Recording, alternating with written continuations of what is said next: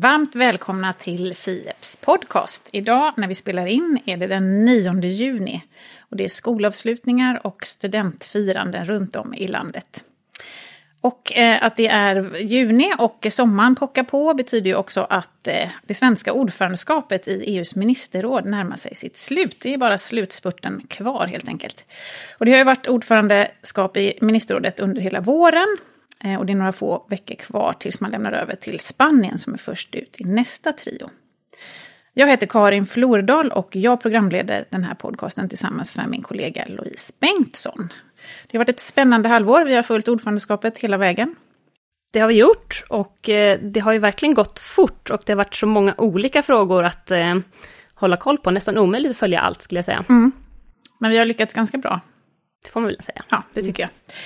Och precis innan jul så hade vi ju nöjet att ha med oss Sveriges EU-minister Jessica Rosvall för att prata inför ordförandeskapet. Och nu har vi det stora nöjet att hälsa dig välkommen tillbaka. Tack så mycket. Hur känns det nu då så här inför slutspurten?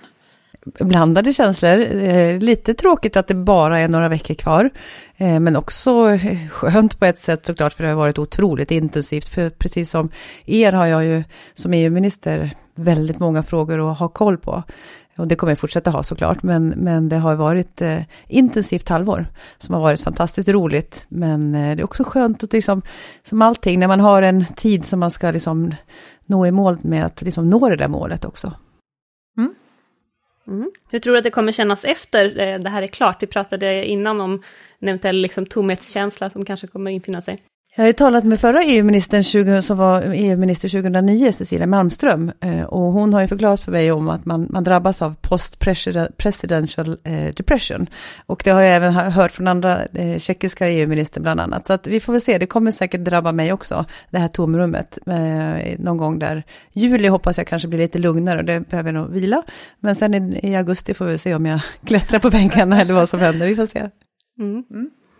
Förhoppningsvis en tillfredsställelse också då eh, över saker ni har uppnått. Och vi har ju massa frågor till dig eh, här idag, men vi måste ju bara börja med att ställa frågan om eh, överenskommelsen som kom igår den 8 juni om eh, e EUs eh, migrations och asyllagstiftning i rådet mellan ministrarna. Vi hörde att du hade direkt kontakt med din ministerkollega. Vill du dela någonting kring det här? Vad var knäckfrågorna och vad var Sveriges bidrag?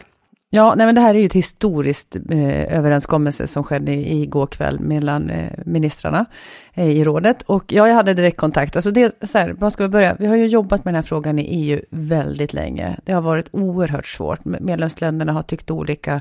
Eh, det är frå det här frågan man vinner och förlorar val på. Alltså det är så mycket som spelar in i varför den är så komplicerad.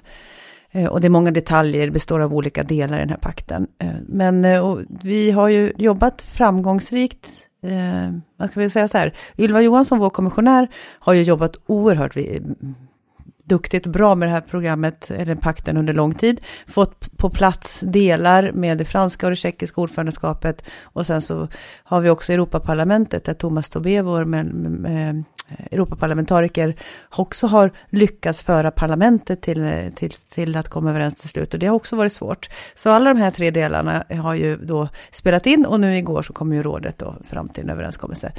Eh, och jag hade självklart direktkontakt med Maria Malmer Stenegard som har gjort ett otroligt arbete tillsammans med alla väldigt duktiga medarbetare på den svenska representationen. Som har jobbat eh, hårt de senaste tiderna, både i, i olika arbetsgrupper och hur många möten och bilateraler som helst och telefonsamtal för att kunna nå den här överenskommelsen. Så att det, det är riktigt stort. Och, och ingenting som vi från början hade Eh, räknat med. Alltså, så här, vi visste att det skulle bli svårt eh, och det visste alla andra också. Eh, men sen frågan är ju väldigt, väldigt viktig, har varit viktig länge för Sverige och för alla medlemsstater. Sen har det nästan blivit som ett momentum nu också att, att komma till en överenskommelse. Jag tror att det spelade in att man faktiskt kunde enas om en kompromiss igår. Mm.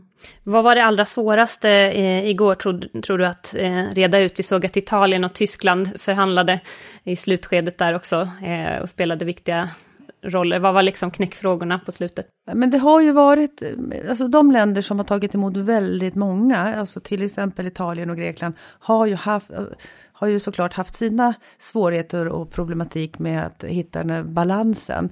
Eh, och det var ju, det är ju det, det, som vi har pratat om länge, om ansvarstagande och solidaritet och var, var hittar man den här balansen mellan detta? Eh, när man har, inte olika intressen kanske, men man har olika eh, tryck på sig eh, från olika håll. Så att säga. Och det tror jag, det var väl det som är den här det som vi har lyckats med, som Emil Alme Stenegard har hittat just den där, där alla ändå kan enas om att det här är en, en bra kom, kompromiss. Och det, eh, det, det är historiskt. Mm. Den här solidaritetsmekanismen. Mm. Och nästa mm. steg nu då? Vad blir nästa steg? Ja, nästa steg, som sagt, Thomas Tobé och Europaparlamentet har ju då eh, nått sin överenskommelse och så nu kommer ju då vi gå vidare med det, triloger och det blir det spanska ordförandeskapet som, som kommer ta vid och sen det belgiska. Eh, det är samma sak där, det kommer också bli svårt. Men eh, eh jag tycker EU-länderna, eh, och det har man ju sett på nära håll nu då under det här halvåret, att man kan vara ganska oense i, i, i många stycken, men samtidigt så vet man att det är ändå bättre att komma överens än att inte komma överens. Och här tror jag att eh, det kommer att lyckas även i, i de samtalen, de, de, de, de förhandlingarna. Mm. Det här har ju varit en diskussion som har pågått nu i flera år, eller förhandlingar som har pågått länge. Går det att göra någon uppskattning om när själva lagstiftningen kan vara på plats? Ja, det går det säkert. Jag vet inte exakt när det är, men det, planen har ju varit som sagt var att eh, det, sen den här tidsscheman som lades ut under det franska ordförandeskapet, att, att vi nu ska bli klara för nästa Europaparlamentsval. Och det är ju det som är här, deadlinen för, mm. för, för alla, alla institutionerna i, i EU. Mm. Mm. Och asyl och migrationspakten är ju bara en av alla eh, frågor som ni har behövt hantera un under det här halvåret. Det talades ju eh, innan ordförandeskapet tog vid om att det var ungefär eh, 300 frågor som, som Sverige skulle behöva eh, leda förhandlingarna kring. Och eh, om du får liksom zooma ut lite och titta på den här helheten, hur tycker du att det har gått? Eh, hur många liksom, eh, överenskommelser har ni lyckats nå i rådet, i triloger, något särskilt som du vill lyfta fram? Jag, jag, tror till och med att vi hade räknat till 350 och jag tror att ett tag var det nära 400. Det beror mm. på hur man räknar och, hur, alltså, och vissa är små, andra är stora och vissa har varit där väldigt länge. Um, jag skulle, om jag, och vi kommer återkomma med mer statistik också. Det pågår ju liksom beräkningar nu, det är ändå några veckor kvar också. Mm. Och vi visste väl att väldigt mycket av de här trilogerna kommer i slutet av ordförandeskapet. Så var det även under det tjeckiska. Så det är nu som det trillar in resultat, eller vad man ska säga. Ehm, men jag skulle säga så här, alltså dels våra prioriteringar, eh, att göra Europa säkrare, friare och grönare. Det har liksom passat väldigt väl in i det arbete som har pågått. Eh, och om man snävar in det i det så, så skulle jag säga att när det gäller eh, säkrare och, och stödet till Ukraina, det var ju, har ju dominerat ordförandeskapet. Och där har vi ju lyckats med många olika delar. Dels att få till ett ytterligare sanktionspaket, att eh, fortsätta stödet till Ukraina på både politiskt, jag har ju jobbat mycket med kandidatfrågan eh, och eh, historiskt stora militärt stöd. Eh, det är, är någonting som jag tycker man ska peka ut och även den här ad hoc-gruppen som vi har tillsatt för frysta ryska tillgångar. Så det, det är en sak. Och sen grön omställning, eh, det gröna, där har vi ju nästan i mål eh, de, de första delarna av Fit for 55, eller de st stora delarna där. Så det, det har vi ju liksom klarat av i triloger och det har ju varit rätt Eh, inte besvärligt, ja delvis besvärligt för det har ju inte alltid gått som man har tänkt sig från början så det har tagit lite tid ibland och det är lite kvar men väldigt lite. Eh, och sen eh, konkurrenskraften har ju vi lyft på liksom, högst upp på agendan. Sen är det några så här, vet inte, man kan inte säga som sagt, vi ska ju komma tillbaka till exakt hur många. Mm. Eh, och vissa är ju viktigare än andra, men vissa har också så här om fiskeripolitik som har pågått i förhandlingar i flera år, som det svenska ordförandeskapet lyckades eh, komma överens om till slut. Alltså det, det är någonting som eh, det kanske inte pratas så mycket om, men det finns några på den här långa listan över avslut som, som är, har pågått väldigt länge. Mm. Någonting som ni tänkte att ni skulle komma längre i, men som liksom ni har stått på, stött på patrull i? Ehm, um, no, jag tänker på... Uh, ja, det är det säkert. Jag kommer inte på... Men uh, om man tänker på den här, jag sa Fit for 55-paketet. Um, ehm, eh, som alla säkert som lyssnar på den här podden vet vad det betyder vid det här laget. Men, men i den här gröna omställningen och Green Deal som kommissionen presenterade för några år sedan så var det ju en del som tog lite längre tid när det gäller, eh, ni kommer ihåg det här förbränningsförbud mot förbränningsmotorer 2035. Det tog lite längre tid eh, på grund av Tysklands agerande. Eh, det var väl, det, vet, det, har, ja, det stötte väl på patrull kan man säga, mm. mm. Eh, där vi ändå löste ut det till slut, då, vi, eller ja, kommissionen och vi. Um, och alla. Så det, men så, det finns ju säkert saker och, som man har, som vi har stött på patrull, absolut. Uh, man har ju lärt sig väldigt mycket. Det är en fråga som jag faktiskt funderar lite grann på nu också när man börjar närma sig nästa termin på något vis, mm. mentalt i vart fall, att ja, vi har så duktiga förhandlare i Bryssel nu, som har också såklart lärt sig jättemycket. Det gäller att vi liksom också tar om hand den här kompetensen och kunskapen som vi har samlat på oss. Mm. Du nämnde det att det liksom börjar trilla in frågor som börjar närma sig trilog nu. Eh, är, det, är, det, är det tal om en, en slutspurt nu, skulle du säga? Ja, lite, men vi visste om det. Alltså det, jag sa på halvtidsredogörelsen att eh, vi hade, det hade gjort halva tiden, men vi har 70 procent av arbetet kvar. Mm.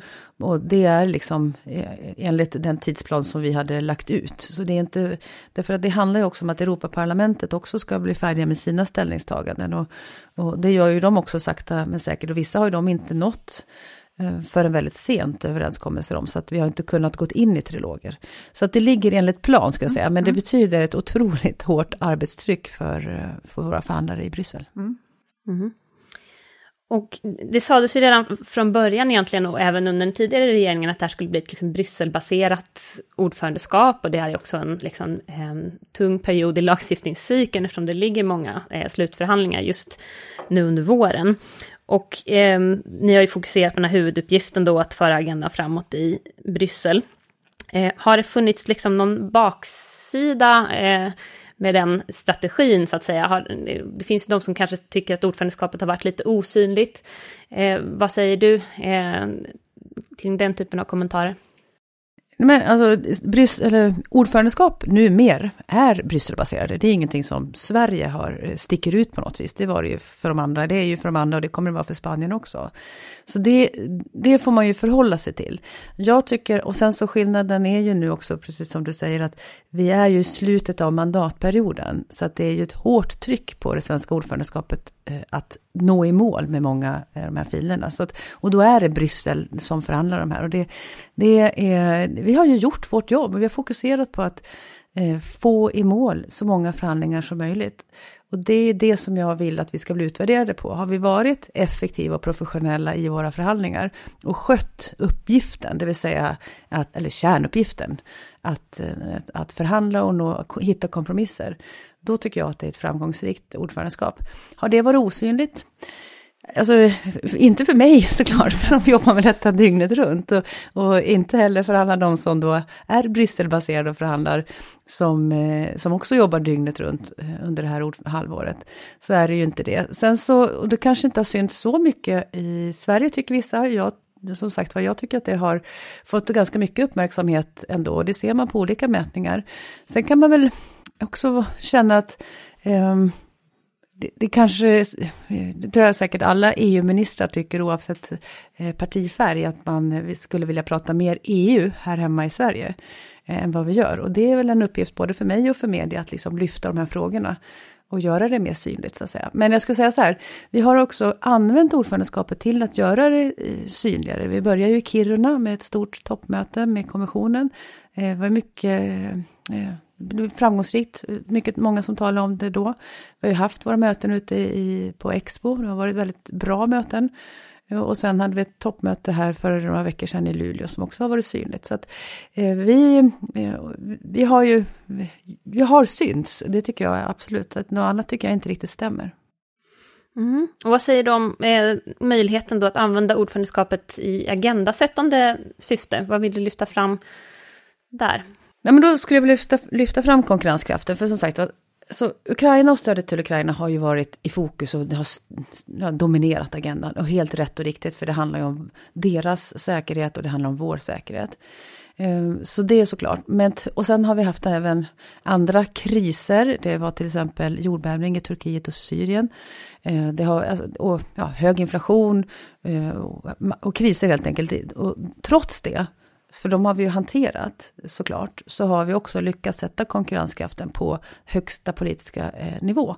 Och det tycker jag är, är agendasättande. Och jag hoppas ju, mitt arbete nu eh, och det svenska regeringens arbete, det är ju att se till att den här frågan också finns kvar på den högt upp på den politiska agendan, europeiska agendan. Jag tänkte att jag skulle vilja hoppa över lite grann och prata om vad ordförandeskapet har inneburit för dig. Du var ju nytillträdd och hade varit EU-minister eh, e i några månader när Sverige klev på ordförandeskapet. Men hur har, hur har det här påverkat din roll och hur har ditt halvår sett ut? Hur mycket har du varit i Sverige och hur mycket i Bryssel och i andra medlemsstater till exempel? Ja, min familj har inte sett mig i alla fall, så kan jag sammanfatta det. Eh, ja, men vi hade inte så lång tid på att förbereda oss. Eh, och jag sa ju då lite eh, modigt att äh, men jag har varit involverad i, i EU-frågor och engagerad. Och eh, ja, kände ganska väl till, var ganska förberedd tyckte jag själv för ett ordförandeskap. Men det får jag väl kanske revidera lite grann. Jag hade nog jag visste ju att man skulle resa mycket, men jag hade nog inte riktigt förstått hur mycket tid jag skulle spendera i Strasbourg till exempel.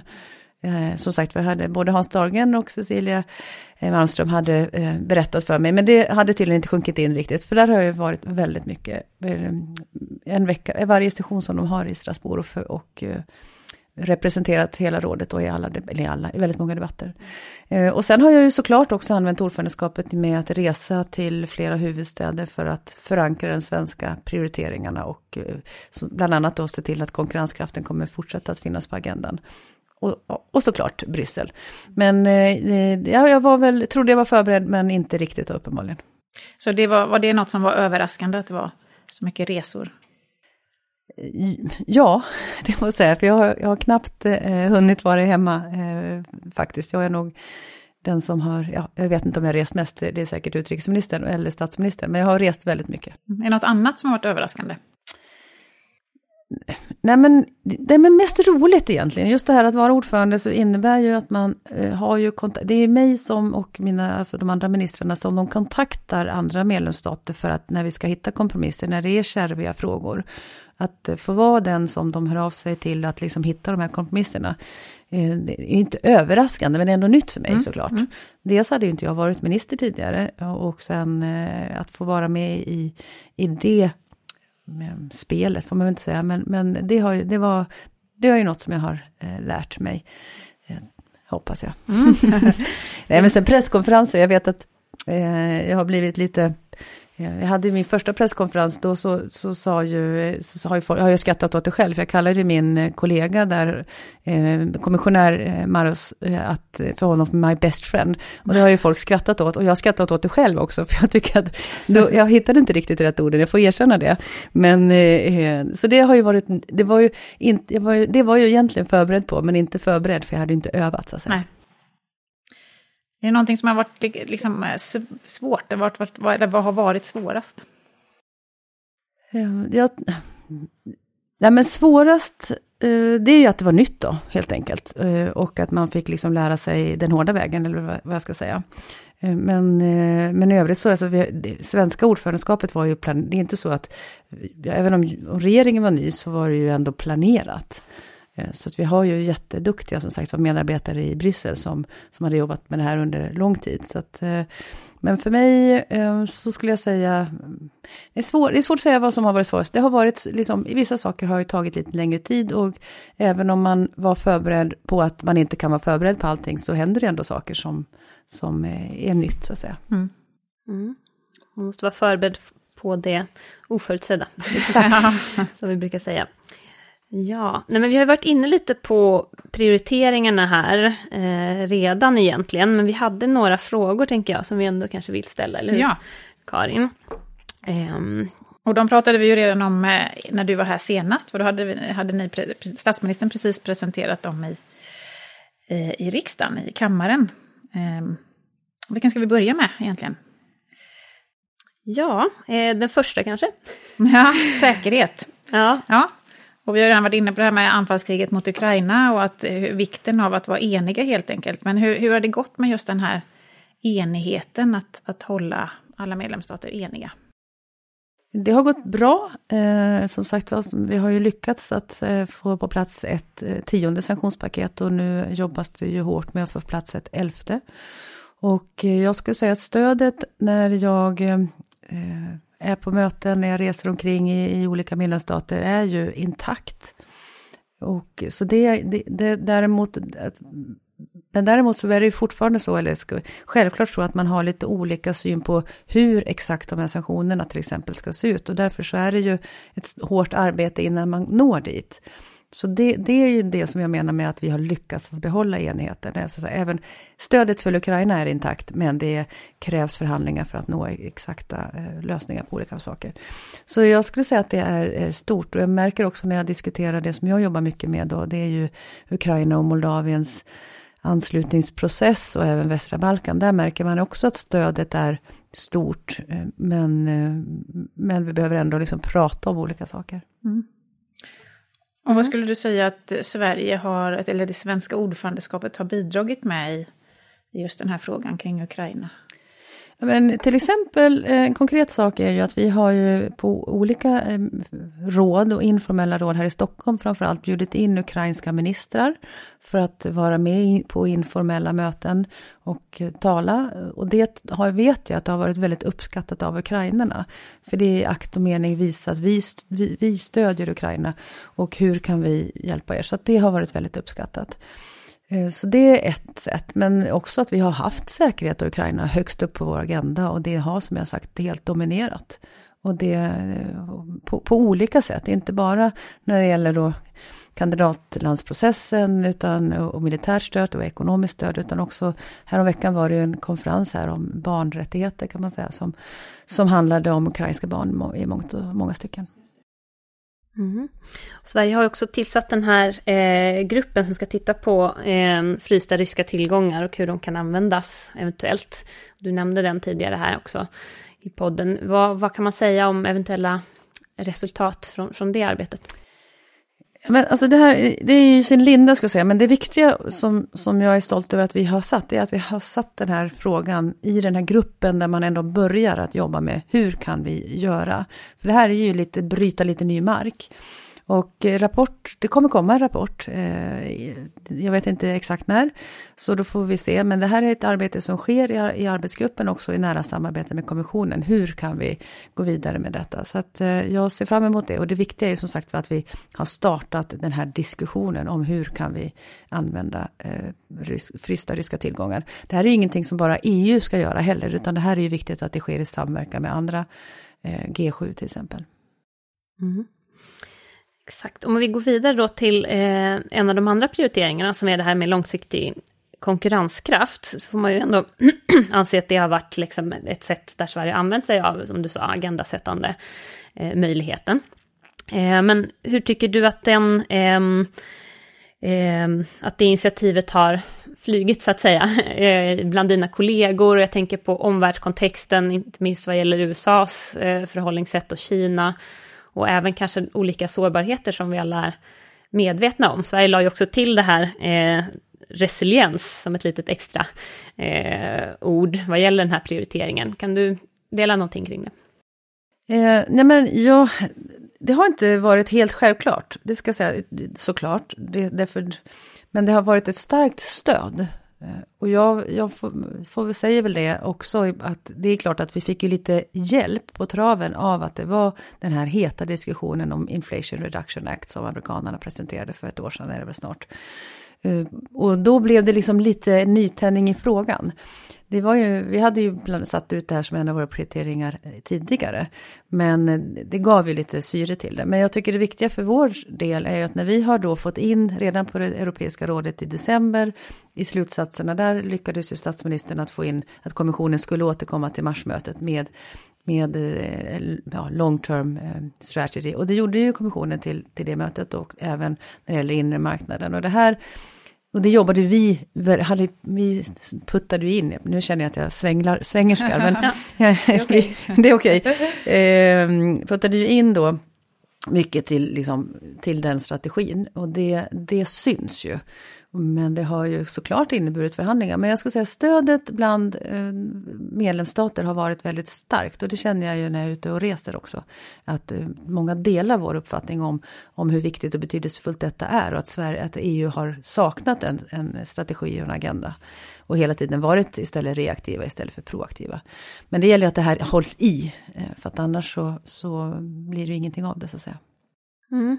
Det finns ju eh, industripolitiken eh, som hör till den eh, gröna given som kanske också går åt ett litet annat håll där man eh, faktiskt försöker också säkra upp tillgången till eh, kritiska råvaror och, och så vidare. På vilka områden fungerar det inte med den liksom klassiska svenska konkurrenskraftslinjen tror du? Vad behöver man liksom revidera den lite?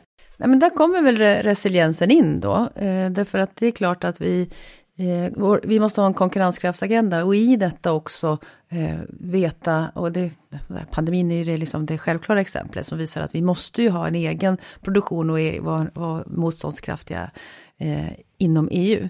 Och det är därför som den, just den filen med kritiska råmaterial är så otroligt viktig. Och återigen, som med alla frågor så handlar det om att hitta balansen.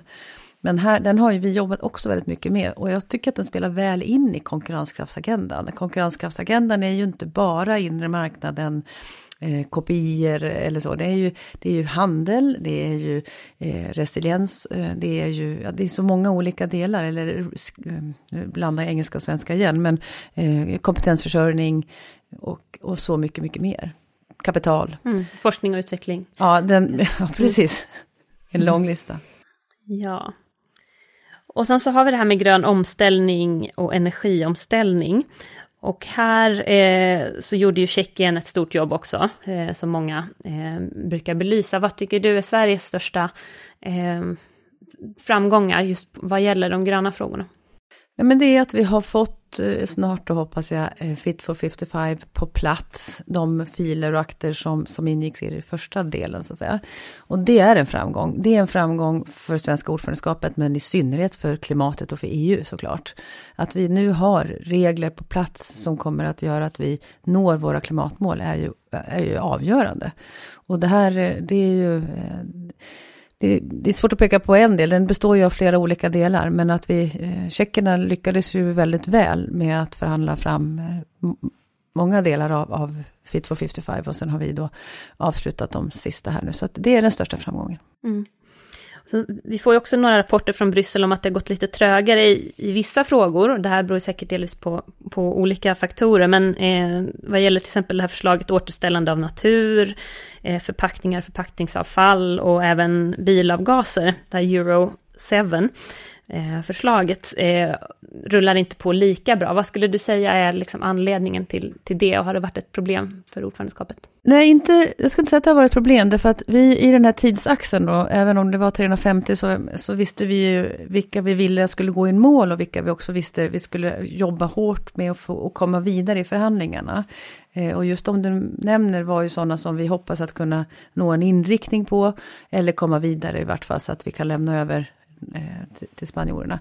Så att, eh, men, eh, så jag ska inte säga att, vi har, att jag har märkt det så mycket. Jag har ju som sagt varit i Europaparlamentet också en hel del. Och det är klart att där har det varit en del grön, diskussioner inom den gröna omställningen som har fått en lite annan kanske tonalitet. Helt ärligt, jag skulle säga om jag, det här är nu det, I början så var Europaparlamentet väldigt mycket migrationsdiskussioner till att nu ha mer här är min egen lilla analys, den är säkert, går säkert att motbevisa, men, det, men det, det är mer eh, diskussioner på klimat och grön omställningen nu, vilket ju egentligen är bra. Men, eh, men jag, har inte, jag ska inte säga att det har varit något problem för det svenska ordförandeskapet, mm. utan våra förhandlingar har gått eh, enligt plan, men vi kommer inte nå eh, slut, vi kommer inte nå i mål med de som du nämnde. Det tror, mm. jag, det tror jag inte. Nej. Och vi har ju också hört att EPP-gruppen helt säger nej till exempel till det här förslaget om återställande av natur. Ja. Eh, ja. Och så vidare. Eh, ja. Just det. Den konservativa gruppen ja. i Europaparlamentet, för de lyssnare som inte vet vad EPP är. Mm. Hör du, eh, i, när du var med senast i podcasten då, innan jul, så pratade vi lite grann om, om just eh, samarbetet med oppositionen och lite sådär. Och då tänker jag att man osökt kommer in på samarbetet med EU-nämnden, som ju blir lite annorlunda under ett ordförandeskap. Hur har arbetet förlöpt där, tycker du? Ja men det blir det. Jag, det, där känner jag ju mig då, apropå att jag var förberedd och inte förberedd. Alltså det här, eftersom jag suttit i EU-nämnden länge, så det, det, jag vet ju hur den fungerar. Och det, är ju, det här är jag ju väldigt stolt över att vi har eh, den här organisationen i Sverige med en EU-nämnd. Men det jag gav, jag gjorde ju så att jag informerade EU-nämnden på olika sätt och också det som Eh, Eh, inte själva, inte formellt på ett möte, men att träffa alla partier i EU-nämnden vid olika tillfällen för att informera om det svenska ordförandeskapets prioriteringar och om hur vi formellt skulle arbeta under ordförandeskapet med att man är ordförande i respektive råd och man, den svenska stolen sitter eh, i princip alltid tyst. Och det här är ju såklart en utmaning för eh, en riksdag där, där regeringen har eh, ett informationsövertag eh, visavi riksdagen. Jag har ju varit oppositionspolitiker länge, så det, det där är ju någonting som alltid känns av. Mm. Och det kan såklart vara extra eh, svårt när är, man är ordförande, när man då sitter inne på ännu mer information. Så det viktiga budskapet till, från mig och till mina, till hela regeringen och från hela regeringen, det är viktigt att vi i regeringen har ett oerhört nära kontakt med riksdagen och håller riksdagen informerade mer än kanske har överläggningar, utan svänger med, med massa ord, men mm. att, att man hela tiden håller riksdagen informerad om olika utvecklingar. Därför, eh, och det har ju varit ambitionen och jag vet att eh, jag har varit i KU, utrikesutskott, KU, konstitutionsutskottet och utrikesutskottet bara, eh, därför att det är de som mina, mitt allmänna råd har att, eh, att svara inför, så att säga. Och sen såklart också mycket informella kontakter med olika representanter från olika partier. Därför att eh, det är ju, det, jag tycker vi har väldigt god och nära relation i Sverige när det gäller EU-frågor och det vill jag ju verkligen att vi kan fortsätta att ha. Men det har såklart haft lite utmaningar, men jag tycker på det hela taget att det har fungerat väldigt väl. Mm. Och, och, och, det har varit lite utmaningar sa du, har det varit några svåra diskussioner? Ja men det var nog i början när det var lite eh, roll, man inte, eftersom vi, vi är ju ordförandeland bara var 14 år. Eh, och jag tror ingen av, jag var i alla fall inte med 2009, så att det är svårt att jämföra. Dessutom var det annorlunda också på ett sätt. Men, eh, eh, men jag tycker att det har eh, blivit väldigt bra. Och eh, som sagt min ambition har varit att ge väldigt mycket information på olika nivåer. Jag besökte också gruppledarna, eh, har jag gjort två gånger för att informera om eh, hur arbetet går och vad, vad, vi gör och hur vi vill arbeta. Och eh, som sagt det handlar ju om att vi alla ministrar är öppna och eh, delar med sig av information. Och att också, ska man säga, ansvaret ligger också på riksdagens partier och EU-nämnden att ställa frågor så det här är ju ett ömsesidigt eh, ansvar, så att säga. Mm. Mm. Vi vet ju också att Sverige eh, ändå nu då under det här halvåret faktiskt lagt ner sin röst eller röstat nej i några olika frågor. Vi har hittat tre. Dels eh, lika lön för lika arbete och sen två skogsrelaterade frågor då. Eh, som kanske kan anses kopplade till liksom, den här gröna agendan. Vad, vad var syftet med det och liksom, hur kan man skilja där på ordförandeskapets position och Sveriges position? Jag fick ju jätte, jag tror vi pratade om det på podden här senast också, att jag, och jag fick väldigt mycket frågor i början om eh, vad detta med honest broker betyder. Eh, och fick, kände att jag fick försvara det begreppet. Eh, det, är ju någonting som också ingår i ordförandeskapet, det är ju ingenting svenskt som har hittat på. Jag träffar ju mina spanska kollegor nu och de har ju gått in i sådana här ordförandeskapsmod. Det vill säga man går tillbaka, man tar tillbaka sina nationella intressen lite grann för att istället inrikta sig på att vara den här medlaren. Eh, och min, eh, det jag fick höra då från de som var med 2009 och även 2001 är att man ändå får ett större inflytande. Det var det jag försökte förklara. Och nu tycker jag att jag med, den erfarenhet jag har fått kan bevisa att det faktiskt är på det viset. Så det är väl det ena man får säga. Sen så stämmer det ju att vi då vid tre tillfällen har, eh, har lagt ner vår röst. Och det är ju ganska ovanligt. Det får man välja det visar ju också att ja, man är honest broker, men ibland så kan man också eh, bevisa att trots att vi har kanske inte gillat alla förslag, har ändå drivit dem framåt. För vi har ju också haft andra mål med ordförandeskapet, att vara effektivt och professionell. Eh, I det, och i ordförandeskapets roll gäller det att driva alla frågor framåt, även då man kanske inte gillar jättemycket. Och det, det är väl det där i så fall ett bevis för. Mm. Är det vanligt att andra ordförandeländer gör det också? Nej, det tror jag inte, men jag vet faktiskt, jag har inga, jag har inga siffror, men det, eh, det, det är ju, jag vet inte hur, vi får väl se vad siffrorna säger, men vi har ju haft hur många beslut som helst. Om det då är tre så är det kanske inte jättemånga. Mm. Och vi har ju pratat om, eh, tillbaka till de fyra prioriteringarna för det svenska ordförandeskapet, så har vi pratat om tre av dem, men vi har kvar den här som handlar om gemensamma värderingar och rättsstatens principer. Och vissa menar att just roterande ordförandeskap i sig inte så spelar så stor roll i de här frågorna. Men eh, vilken roll tycker du att det svenska ordförandeskapet har spelat?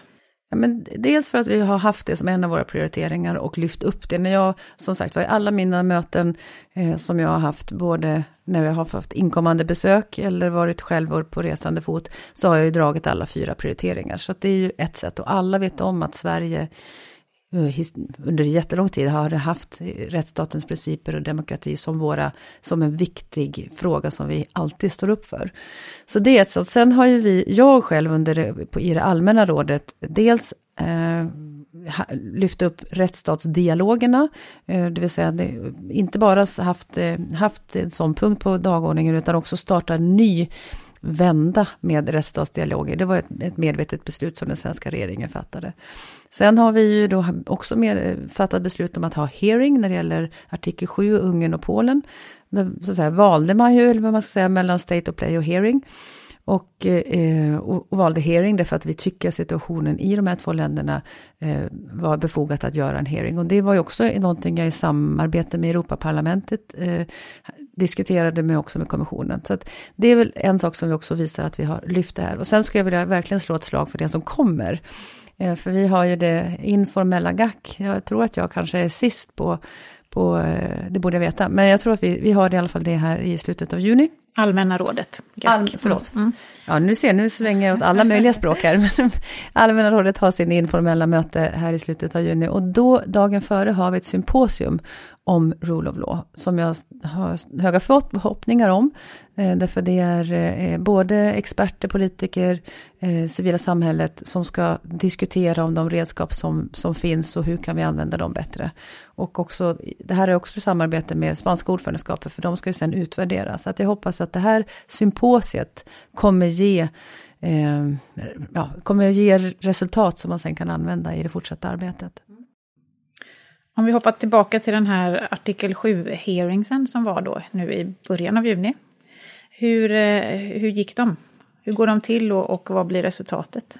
Ja, nej men de eh, går till på det viset att alla, eh, kommissionen eh, berättar om hur situationen ser ut i, i respektive land. Det är lite olika, det är två olika förfaranden faktiskt. Ska mm. inte gå in i detaljer allt för mycket, men eftersom Europaparlamentet har initierat den kring Ungern och mm. kommissionen mm. den kring kring Polen. Eh, men i vart fall så får ju landet själv först föredra om eh, sin, deras syn på hur utvecklingen kring de frågor som har blivit eh, eh som finns i det här artikel 7-förfarandet då.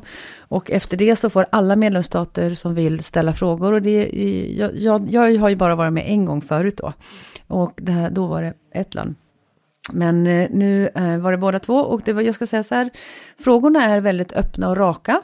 Eh, och svaren är också öppna och raka. Eh, men eh, det, var, det är ungefär hälften av länderna som ställer frågor. Och resultatet är ju en del av, ska man fortsätta med artikel 7? Eller ska man inte? Och det, vi som sagt var såg anledning att, att fortsätta med artikel 7-förfarandet för de här två länderna. Så det kommer återkomma hearings framöver? Ja, alltså det är ju inte upp till, eh, till Sverige själv att bestämma såklart, utan det här, nu tar ju det, det spanska ordförandeskapet över och, och, de har ju en plan för att som sagt var utvärdera de olika redskapen som finns. Men eh, jag vet, eh, och sen är det Belgien som har Rule of Law väldigt högt på sin agenda också, så får vi se hur, vad fortsättningen blir. Mm. Sen in, om inte så lång tid så kommer det också då vara två ordförandeskap som eh, i högsta grad berörs av de här eh, problemen med upprätthållande av eh, rättsstatens principer och demokrati. Det är då Ungern och Polen. Och Europaparlamentet har antagit en resolution till och med för att stoppa Ungerns ordförandeskap och många vill inte samarbeta med de här ordförandeskapen och så vidare från EPs håll. Vad, vad säger du om de här diskussionerna och vilka är dina liksom, spaningar vad gäller hur de här länderna kommer hantera sina ordförandeskap?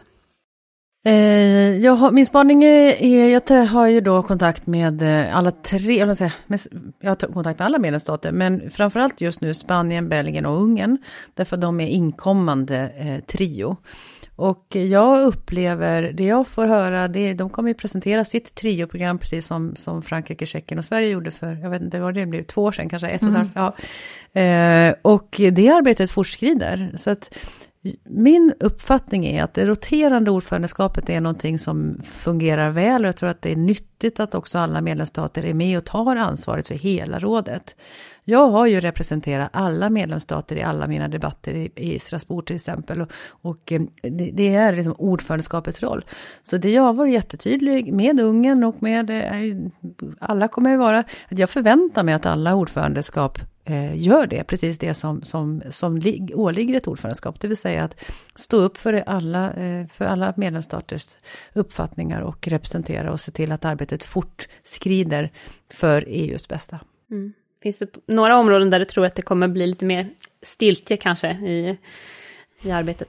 Ja, det är svårt att se. Jag har som sagt var haft eh, möte med min motsvarighet i, i Ungern där vi har pratat om både rättsstatsprincipen såklart som är viktigt för Sverige men också konkurrenskraftsfrågor. Och jag förutsätter att alla de här frågorna kommer att drivas framåt. Vi har pratat om många, eller vi har tagit upp många av våra frågor nu, men vi tänker att någonting som vi gärna vill prata lite om innan vi avslutar är också överlämnandet till Spanien som ju tar över efter Sverige. Eh, och jag vet att du har träffat din spanska kollega eh, tidigare i vår och säkert efter det också. Men eh, vad är dina förväntningar på det spanska ordförandeskapet? Ja, nej men jag har träffat min motsvarighet före, framförallt det, de hade utlyst ett nyval då. Så det är klart att de kommer ju ha val en, nästan en hel månad in i ordförandeskapet. Mm. Och eh, det kan ju såklart vara, väcka en del frågetecken, hur kommer det här gå? Jag skulle säga att eh, det är samma sak där. Alltså EU har ju, det här roterande ordförandeskapet kommer ju oavsett om man har val eller inte. Franska ordförandeskapet hade också val. Mm. Så att alltså, maskineriet, om man får kalla det så, kommer att kunna hantera det. Eh, sen så är det ju såklart så att eh, jag har sagt till honom och till andra eh, som jag har träffat eh, från Spanien att i Sverige hade vi eh, val precis före och då är det viktigt att man har en dialog med oppositionen och berättar om hur, hur arbetet går med kring prioriteringar och man är hyfsat överens. I Sverige var vi ju överens med alla riksdagspartier om de svenska prioriteringarna. Det tycker jag var en framgång för oss. Så det, det, det kommer, kommer gå bra tror jag, men det är mm. klart att det finns, eh, jag förstår att det finns en del frågetecken. Och eh, vi får väl hoppas att det blir en snabb regeringsbildning helt enkelt efter, eh, efter valet. Det, det, det kan jag ju säga, det tror jag nog att det underlättar, men det, det får, återstår att se. Mm.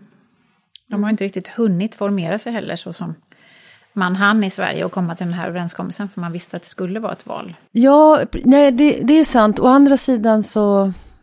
Nej men, det, nej men här, det jag försöker exportera, eller vad man ska säga, det är att i Sverige har vi ju konsensus kring, eh, kring olika saker, bland annat EU-politik. Och jag föreställer mig att vi, eh, även om vi inte hade haft val, hade försökt att komma överens in med regering och riksdag om prioriteringar. Så att säga. Vi har ju som sagt var, EU-nämnden är ju eh, en väldigt bra organisation med att eh, faktiskt också förankra olika, inte bara positioner utan också komma överens om EU-politik eh, på ett bra sätt. Och det, det, det tycker jag, det, jag hoppas att det hade skett, jag tror att det hade skett även om det inte hade råkat vara val så att säga. Mm.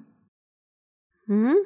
Det blir spännande att följa vad som händer då med det spanska ordförandeskapet. Det var många som liksom hade nu eh, förberett sig på sådana här valvinnande ordförandeskap med, det skulle vara toppmöten med Latinamerika och eh, pompa och ståt och så vidare. Och en väldigt viktig period också givetvis för att nå många överenskommelser innan valet till Europaparlamentet nästa år. Vi får, vi får se vad det blir. Eh, men vi hade en eh, slutfråga också lite mer på, på det personliga planet. Man brukar ju säga att de här ordförandeskapen är också lite så här eh, socialiserande, att man får, man får frottera sig med kollegor i Bryssel eh, i de här internationella sammanhangen. Och tror du att det här har påverkat dig och dina ministerkollegor på något sätt? Har ni en annan syn på EU-samarbetet idag? Känner liksom de sig ännu mer besjälade av EU nu? Ja, jag tror faktiskt det. Eh, inte för att det är så mycket glamour, utan för att man, man, när man sitter ordförande som sagt, och så är man ju centrum. Man har, dels har jag ju lärt känna väldigt många människor. Eh, och det hoppas jag kunna dra nytta av även eh, framgent. Och det, det vet jag att även mina kollegor känner. Så att, och jag tror också att när man är i mitten eh, av, alltså sitter som ordförande, så blir man också varse om hur otroligt att det faktiskt går att påverka också och att man, Eh, man också, alla ser ju betydelsen av hur viktiga EU-frågor är för oss alla och för vår, vår nationella politik också. Och det där tror jag eh, kommer att, eh, det kommer såklart inte bara försvinna första juli, utan det där finns ju kvar. Så det hoppas jag verkligen. Vi, jag har ju en ambition, eller regeringen har en ambition att se till att vi får ett, kommer in i processer tidigare, att vi får ett större inflytande i, i EU. Och då har ju det här ordförandeskapet som kom tidigt under regeringens mandatperiod, eh, förhoppningsvis kommer det gagna regeringen, eller gagna Sverige snarare. Så det är min förhoppning att, det, att vi kommer använda detta väl. Mm. EU högst upp på agendan i Sverige. Ja, härligt. Mm. Varmt tack EU-minister Jessica Rosvall för att du var med här i Sieps podcast idag. Tack så hemskt mycket för att jag fick komma. Och innan vi avrundar så vill vi också eh, passa på att nämna några seminarium här som har med ordförandeskapet att göra, eller hur Louise? Exakt, det är ju bara några skälvande veckor kvar, men här från Sieps håll så har vi fortfarande två seminarier kvar om ordförandeskapet, eller med koppling till ordförandeskapet. Och på ett av dem så kommer ju faktiskt eh, du Jessica också att delta. Det kommer äga rum i Bryssel den eh, 26 juni. Eh, där du kommer att inledningstala. Det här ordnar vi tillsammans med tankesmedjan EPC, som är vår samarbetspartner i Bryssel. Så det kan vi varmt rekommendera. Och eh, på ordförandeskapets allra sista dag, den 30 juni, så kommer vi också ha ett seminarium i Almedalen för de som är där. Och information om detta kan ni också hitta då på vår hemsida och i Almedalsprogrammet. Mm, tack för det. Tack till alla lyssnare. Vi avslutar därmed dagen. På återhörande. Tack och hej. Tack.